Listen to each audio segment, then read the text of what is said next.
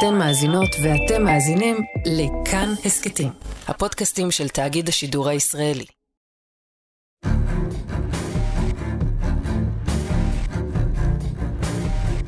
יש לזה הרבה משמעות כשאת מספרת על הכאב שלך בשביל כל מי שלא יכול לספר על הכאב שלו.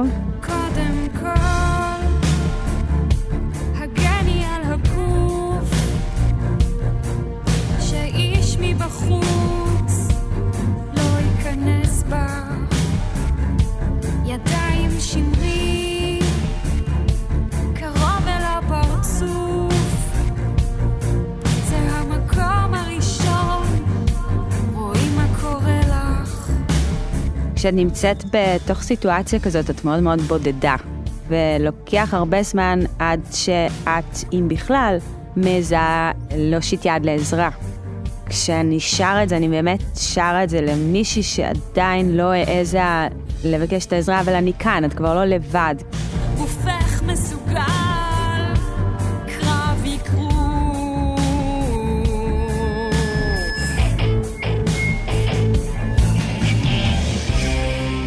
היי, אתם ואתן על שיר אחד, אני מאיה קוסובר, והפעם הסיפור של קרב אגרוף, השיר הראשון שאפרת גוש כתבה.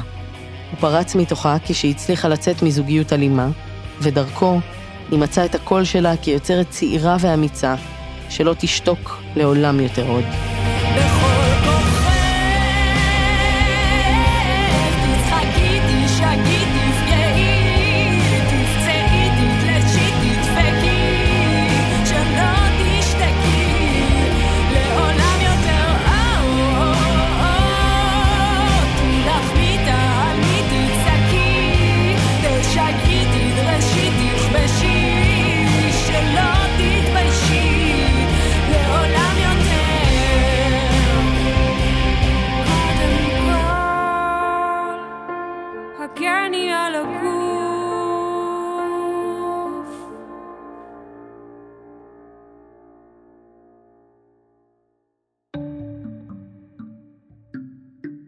מאז שהיא זוכרת את עצמה, אפרת רצתה להיות זמרת.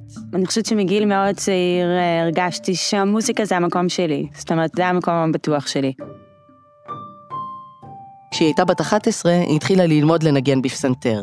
ומאוד אהבתי את זה, ולא היה לנו פסנתר בבית, גם לא מקלדת, הייתה לי חברה טובה, ולא היה פסנתר בבית, אז הייתי מגיעה אליה להתאמן, לפעמים גם כשהיא לא הייתה נמצאת, אה, אימא שלה המקסימה אה, פשוט הכניסה אותי אה, לבית מתי שהייתי צריכה ורציתי. אבל החלום הגדול שלה היה שיהיה לה פסנתר משלה. אימא שלי מצאה איזשהו פסנתר משומש, יד שנייה כזה, ולבת מצווה הייתה לי יום הולדת 12, וקנו לי פסנתר. וההורים שלי היו אה, מסובכים כלכלית באותם שנים, מאוד מאוד. אחרי איזה חודש באו הוצאה לפועל ועיכלו את הפסנתר הזה. זהו, ומאותו רגע עזבתי את הפסנתר, ואני זוכרת שבאמת לא, לא הסכמתי יותר אה, לגעת בזה, במשך הרבה מאוד שנים. הפסנתר שנלקח הפך לסמל, לחלום שנשבר והותיר אחריו חלל. הייתה חוויה פשוט אה, מאוד קשה, כי זה היה הדבר שמאוד מאוד רציתי, ובסוף כל סוף הגיע, ואז הוא נלקח. עוד לפני שבכלל באמת אה, הספקתי להרגיש שזה שלי, אז באיזשהו מקום, אני חושבת שזה היה איזשהו סוג של מנגנון הגנה, אוקיי, אז את הקול שלי אי אפשר לקחת. זה הולך איתי לכל מקום. להתרכז בדבר הזה. ובאמת, היא לא הפסיקה לשיר. ילדה ביישנית, קצת חסרת ביטחון ורגישה, ששרה במקהלה של בית הספר, ואחר כך גם במקהלת לירון בהרצליה. אבל אף פעם לא הייתי הסולנית. תמיד אה, שרתי עם כולם וחלמתי להיות הסולנית. רציתי להיות שם מקדימה, ואני כן זוכרת שהסתכלתי גם בקנאה וגם בהערצה על אלו שהיה להם את האומץ, וזה כן היה איזשהו גורם אה, תסכול אצלי, אה, למה אני לא מצליחה לעשות את הצעד הזה קדימה. כי פיזית ממש הרגשתי שאני לא יכולה. גם ברגעים של חוסר הביטחון בערה בה האש. מין אמונה, אולי אפילו ידיעה, שאם המוזיקה היא בית, היא תמצא בה את החדר שלה. בכיתה ט' היא שמעה על בית ספר לאומנויות ברמת השרון, תיכון אלון. היא גרה אז בהרצליה, זה היה רחוק והיו מבחני קבלה. וניגשתי למבחנים האלה בחשש ובפחד מאוד מאוד גדול. עד uh, לאותו רגע בעצם תמיד שרתי בתוך מקהלה, ופה פעם ראשונה שהייתי צריכה לעמוד לבד, וזה היה חתיכת uh, רגע בשבילי. שם במגמת uh, מוזיקה היה עניין שהמבחני קבלה הם היו מול כל התלמידים של המגמה. מול היודניקים, הי"א-ניקים והי"ב-ניקים. אפרת נכנסה בשקט לאודיטוריום קטן, שהיה מלא בתלמידים ותלמידות. וממש אני זוכרת שרעדתי והזעתי ועמדתי, ומקדימה ישבו המורים של המגמה, אז עוד לא הכרתי אף אחד. אה, והתחלתי לשיר, פתחתי את הפה ובחרתי איזשהו שיר אה, גרמני, שיר קלאסי. אה, והתחלתי לשיר, ואני זוכרת ששרתי יוש, ופשוט נשבר לי הכל ולא הצלחתי להמשיך, וכל הילדים צחקו, כמו שילדים עושים. הבוחנים השתיקו את ההתלחששויות והצחוקים, וביקשו מאפרת לנסות שוב. ושוב לא, לא הצלחתי uh, להמשיך. כל מה שרציתי זה רק לצאת מהחדר הזה. ואז באמת, המרכז מגמה בעצם, שקוראים לו דודו סלע, uh, הוא שאל אותי אם אני רוצה שהוא יוציא את כולם, את כל התלמידים, ואמרתי שכן. וכולם גם מלמלו לי, אוי, כל מיני כאלה. אפרת נשארה לבד מול הבוחנים. היא הצליחה לשיר שני משפטים, ואז עשו לה מבחני שמיעה מוזיקלית. היא הייתה בטוחה שאין סיכוי שהיא עוברת, שהכל אבוד. אבל אותו מורה הביט בה ואמר, התקבלת. זה בדרך כלל לא אומרים באותו רגע, ואני הייתי בטוחה שהוא סתם אומר לי. אחרי כמה שבועות הגיע מכתב בדואר, ואיתו הנחת רווחה. מבחינתי זאת הייתה פעם ראשונה שהאמינו בי, ומאותו רגע התחלתי לפרוח. אחרי סיום הלימודים, אפרת קיבלה טלפון מחבר שלמד איתה. הוא סיפר שהוא מנגן עם זמר אחד שגדול מהם, ושהוא מחפש זמרת ליווי שתשיר איתו. וקבענו אה, שאני אבוא אליו. אני יודעת שהוא היה כבר אה, להיט בבמה חדשה, אבל אני לא הכרתי את האתר הזה וגם לא הכרתי את יוני. שלמה השמנמן, אני מכיר אותו מזמן. יוני בלוך היה זמר צעיר שבישר על פרוץ האינטרנט לא פחות משהאינטרנט בישר על פריצתו. באולפן הביתי שבו אפרת פגשה אותו בהרצליה, הוא השמיע לה בפעם הראשונה שירים שלו, והיא עפה. וואו, באמת אה, מאוד, אה, מאוד התחברתי לאיך שהוא שומע מוזיקה ואיך שהוא כותב מוזיקה, והקלטנו איזשהו שיר. אולי זה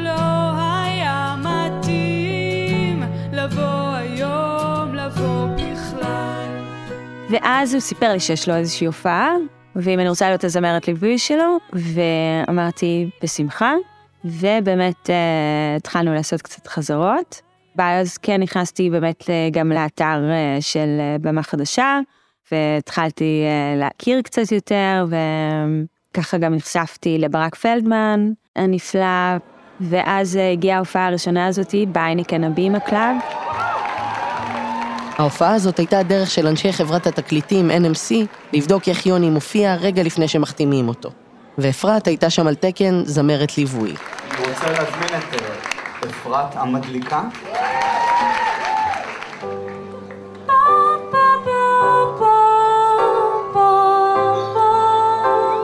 מאות אנשים, אנשים לא יכולים להיכנס, אנשים מחכים אה, בתור, זה היה משהו באמת אה, מדהים ויוצא דופן.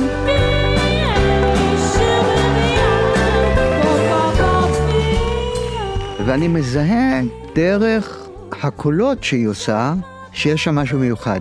זה חיים שמש. ולאט לאט ככל שההופעה מתקדמת, אז ברור לי לחלוטין שתפסנו פה שתי ציפורים אה, יפות.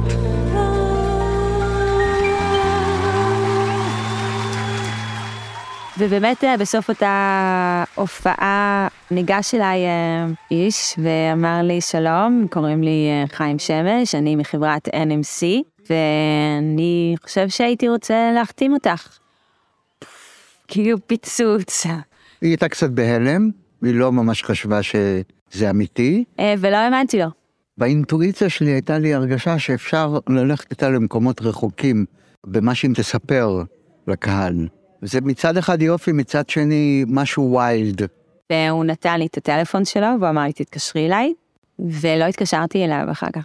והוא גם התקשר אליי וגם לא חזרתי אליו. כן, היו כאלה, היו כאלה. ואז יוני התקשר אליי, הוא אמר לי, תראי, חיים אה, שמש אומר שאת לא חוזרת אליו, למה את לא חוזרת אליו? אולי זה היה איזשהו רגע כזה של פחד מאוד גדול, כי זה היה החלום הכי גדול שלי. כל כך רציתי את זה שלא האמנתי שזה שלי. ואולי זה היה מין מנגנון הגנה כזה, כדי שאני לא אפגע. אני חושב שזה באזורים של חוסר ביטחון, באזורים האלה של אה, אני לא באמת מאמינה שזה יקרה, אז אה, אני לא רוצה להיפגע.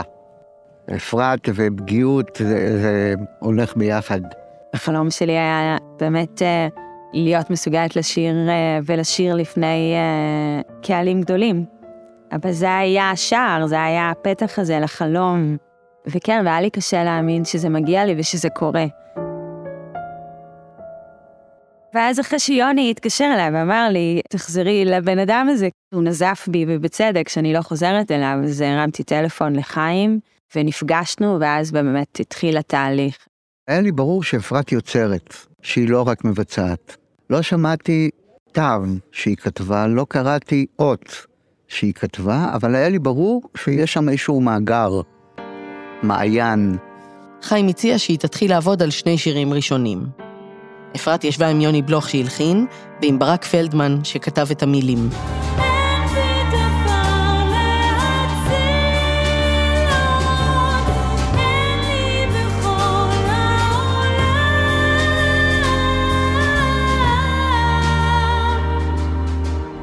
זה באמת הגדולה של ברק אה, פלדמן.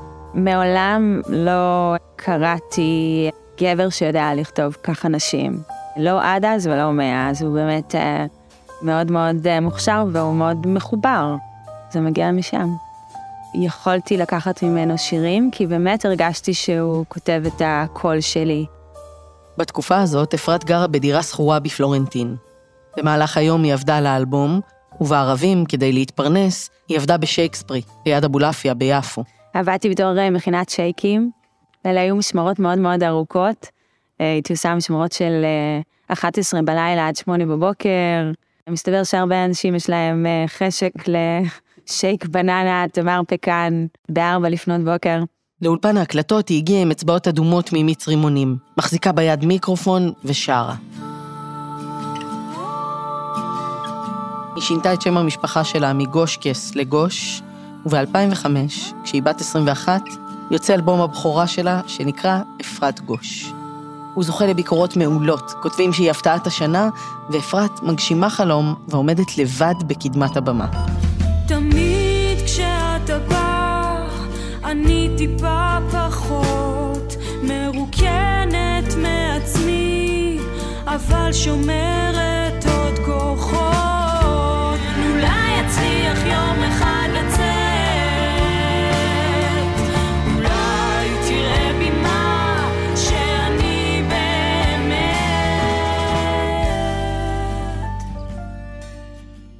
אבל תוך כדי ההופעות וההצלחה של האלבום הראשון, אפרת עוברת תקופה לא פשוטה.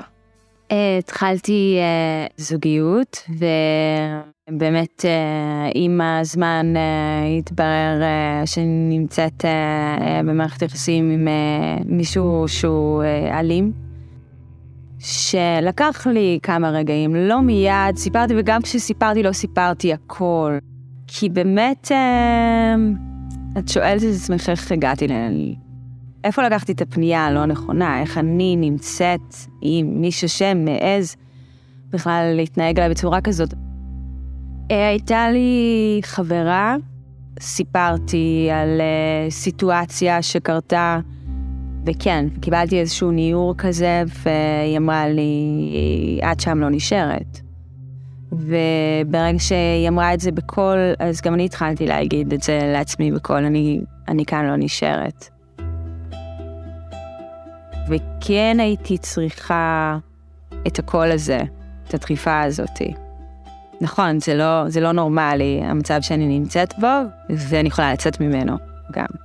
ובעצם אה, הוצאתי את עצמי משם, אה, למזלי, די מהר באמת קמתי והלכתי. אמרתי, זה אף פעם באמת לא, לא מספיק מהר, אבל אה, הצלחתי באמת לקום וללכת. אפרת הייתה אז רק בת 23, וחיפשה מקום חדש לגור בו. חברה שלה, ענבל, שלימים תהפוך לאשתו של יוני בלוך, סידרה לה סאבלט באיזו דירת שותפים. ואז באמת אה, נכנסתי אה, לדירה הזאת, ואחד הדברים שהכי משכו אותי בדירה זה שהיה שם פסנתר. פסנתר ישן ולא לגמרי מכוון, אבל פסנתר. אותו כלי נגינה אהוב שנלקח ממנה בילדות והותיר חלל. ואולי יום, יומיים אחרי שנכנסתי לדירה, הבית היה ריק, וישבתי והתחלתי לנגן על הפסנתר. זה פעם ראשונה מזה שנים שאני נמצאת בסיטואציה כזאת שאני לבד עם פסנתר. ומאוד מהר אה, בעצם אה, הבנתי שאני כותבת אה, איזשהו שיר. קודם כל, הגני על הגוף, שאיש מבחוץ לא ייכנס בך. וכן, כשכתבתי את השיר הזה, כתבתי אותו באמת קודם כל כי הרגשתי שאני צריכה אותו, שזה מה שאני צריכה להגיד לעצמי. שיווי משקל, שלא תיפלי לטירוף, גופך מסוגל, קרב אגרוף. זה באמת אה, שיר אה, שנועד קודם כל לחזק את עצמי, כי הרגשתי שאני במקום אה, מאוד חלש, ורק התחלתי לעכל את מה שהיה שם ומה שעברתי. הייתי מאוד מוצפת והייתה חוויה לא, לא פשוטה. אז כן, זה קודם כל באמת שיר שלי שרה לעצמי, אבל אני חושבת שבאיזשהו מקום כתבתי אותו לכל אלה שעדיין לא יצאו משם. בכל כוחך, תצחקי, תשגי, תפגעי, תפצעי, תתלשי, תדפקי, שלא תשתקי, לעולם יותר, או,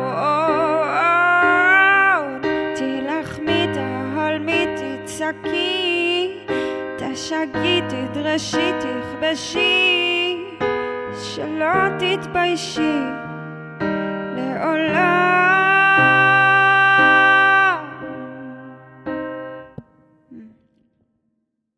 לא הייתי הסיפור היחיד ששמעתי, זאת אומרת, מסביבי היו כל כך הרבה נשים שעברו דברים דומים, בין אם הכרתי אותן ובין אם לא. אפרת כתבה מתוך חוויה אישית, אבל בגוף שני, והשיר הזה פרץ מתוכה כשלם, מילים ולחן. זו הייתה תחושה של התעלות, אה, עוד לא ידעתי אם זה טוב או לא, אבל זה שזה בכלל קרה, זה היה נס מבחינתי. ובאותו ערב אפרת התקשרה לחיים שמש וסיפרה שהיא כתבה שיר. אחרי כמה ימים הוא הגיע לדירת השותפים ההיא. זה מין דירה תל אביבית כזו, מרועטת שנות אה, 70-80 כזה, עץ, הרבה עץ, שטיחים, דירה אפלה. פסנתר עומד צמוד לקיר, אני יושב בספה מאחור, אפרת יושבת על הפסנתר ומנגנת. שומע את המילים, כאילו שומע את איך שהיא שרה את השיר ואת האצבעות שלה על המקלדת, ככה, זה כמעט כמו קליפ. עטפי היטב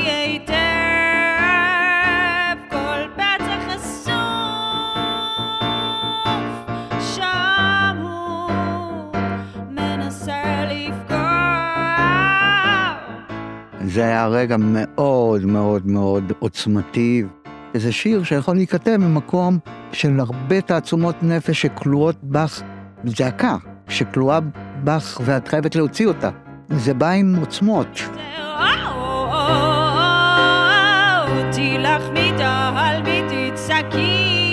תשגי, תדרשי, תכבשי, שלא תתביישי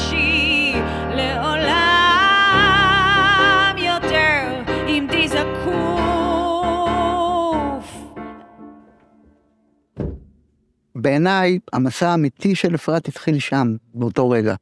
זה בעצם היה כמו הסנונית אה, שמבשרת אה, על אה, בוא האביב, זה היה הרגע שהבנתי שאני מוכנה לעוד אלבום, ושיש סיכוי שאני גם אכתוב חלק ממנו. אפרת התחילה לעבוד על האלבום השני, ובאותה תקופה הזמינו אותה לשיר באיזו פרסומת. ושם, באולפן, היא פגשה מפיק מוזיקלי בשם ניר אברבוך. הוא השמיע לי איזשהו קטע של פרסומת שהוא עשה לחברה אחרת.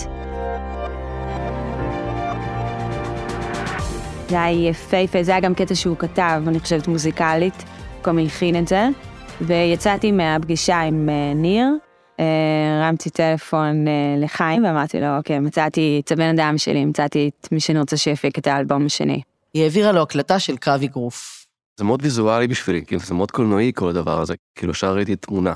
מיליון דולר בייבי, ישר עליו מתאגרפת והצבעים וה... והקולנוע. זה ניר אברבוך, ותוך כמה ימים הם כבר התחילו לעבוד על ההפקה המוזיקלית. השיר נפתח עם צ'לו וקונטרבס. וזה שהם גם מנגנים מאוד נמוך בזה, הם גם נותנים את הרגשה של דרמה ו... ומתח מאוד מאוד חזק. ואז הצטרפו תופים אלקטרוניים ותופים חיים, ומעליהם מגיחה השירה. עטפי היטב כל פצע חשוף שם הוא מנסה לפגוע זה קול של אישה חזקה, קול של מישהי שהיא לא קורבן יותר, והיה לי חשוב גם לשיר את זה ככה.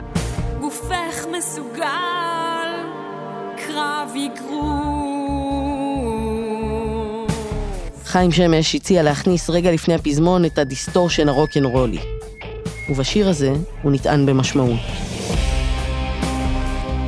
זה השחרור והכוח וההחלטה של ה... עד כאן. תפצעי, תתלשי, תדפקי, שלא תשתקי. ולכל זה מצטרפות הוויולות.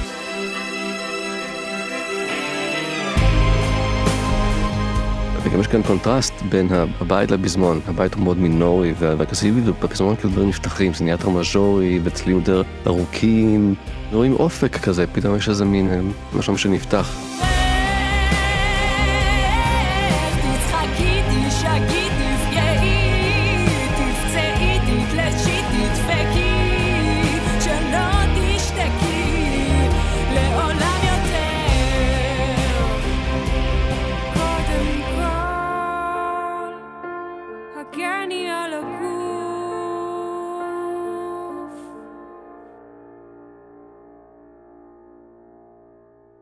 בשנת 2007 יצא האלבום השני של אפרת. הזמרת אפרת גוש משתדלת לסלוח באלבום החדש והשני שלה, הסליחה ואני. אהלן. היי. ממי את מבקשת או דורשת סליחה באלבום הזה? אני חושבת שקודם כל אני רוצה לבקש סליחה מעצמי ושגם אני אהיה מסוגלת אה, לסלוח אה, לעצמי. השיר שמיד הפך ללהיט ענק היה לראות את האור, שברק פלדמן כתב ואסף אמדורסקי הלחין.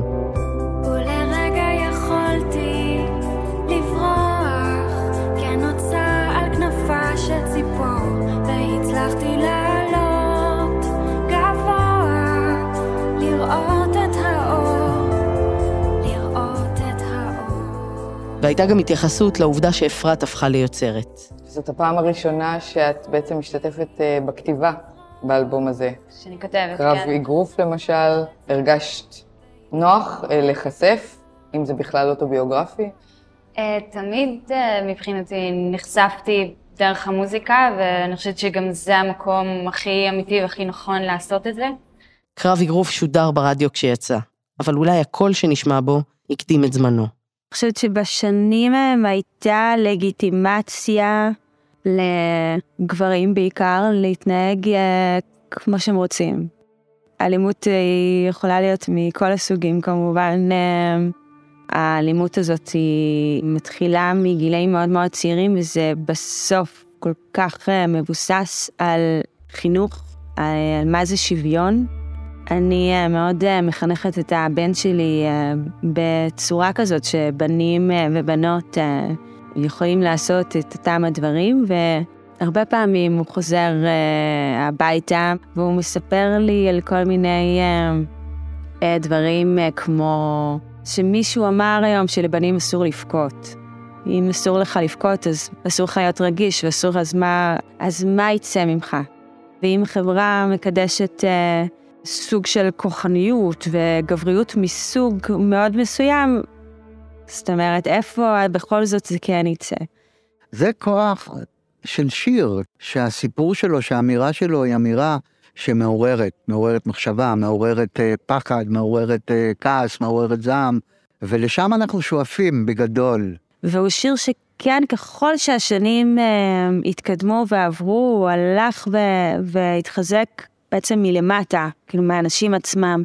ואני חושבת שזה באמת אחד הדברים שהכי מרגשים אותי בהקשר שלו, זה שיש לו כזה אורך נשימה ואורך חיים.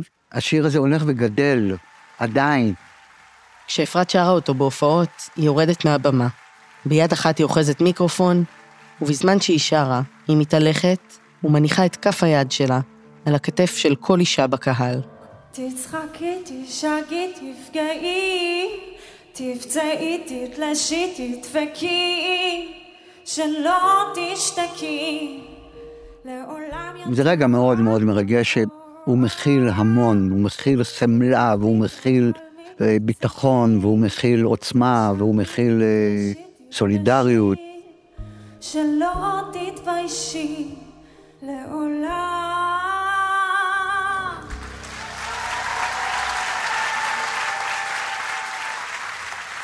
הדבר שהוא הכי משמעותי, בשבילי לפחות, אה, בשיר הזה, הרצון שנשים יבינו שהן לא לבד. שזה קורה, ושזה לא הבושה שלך, ושאת יכולה להגיד את זה, ואנחנו שם, בשבילך.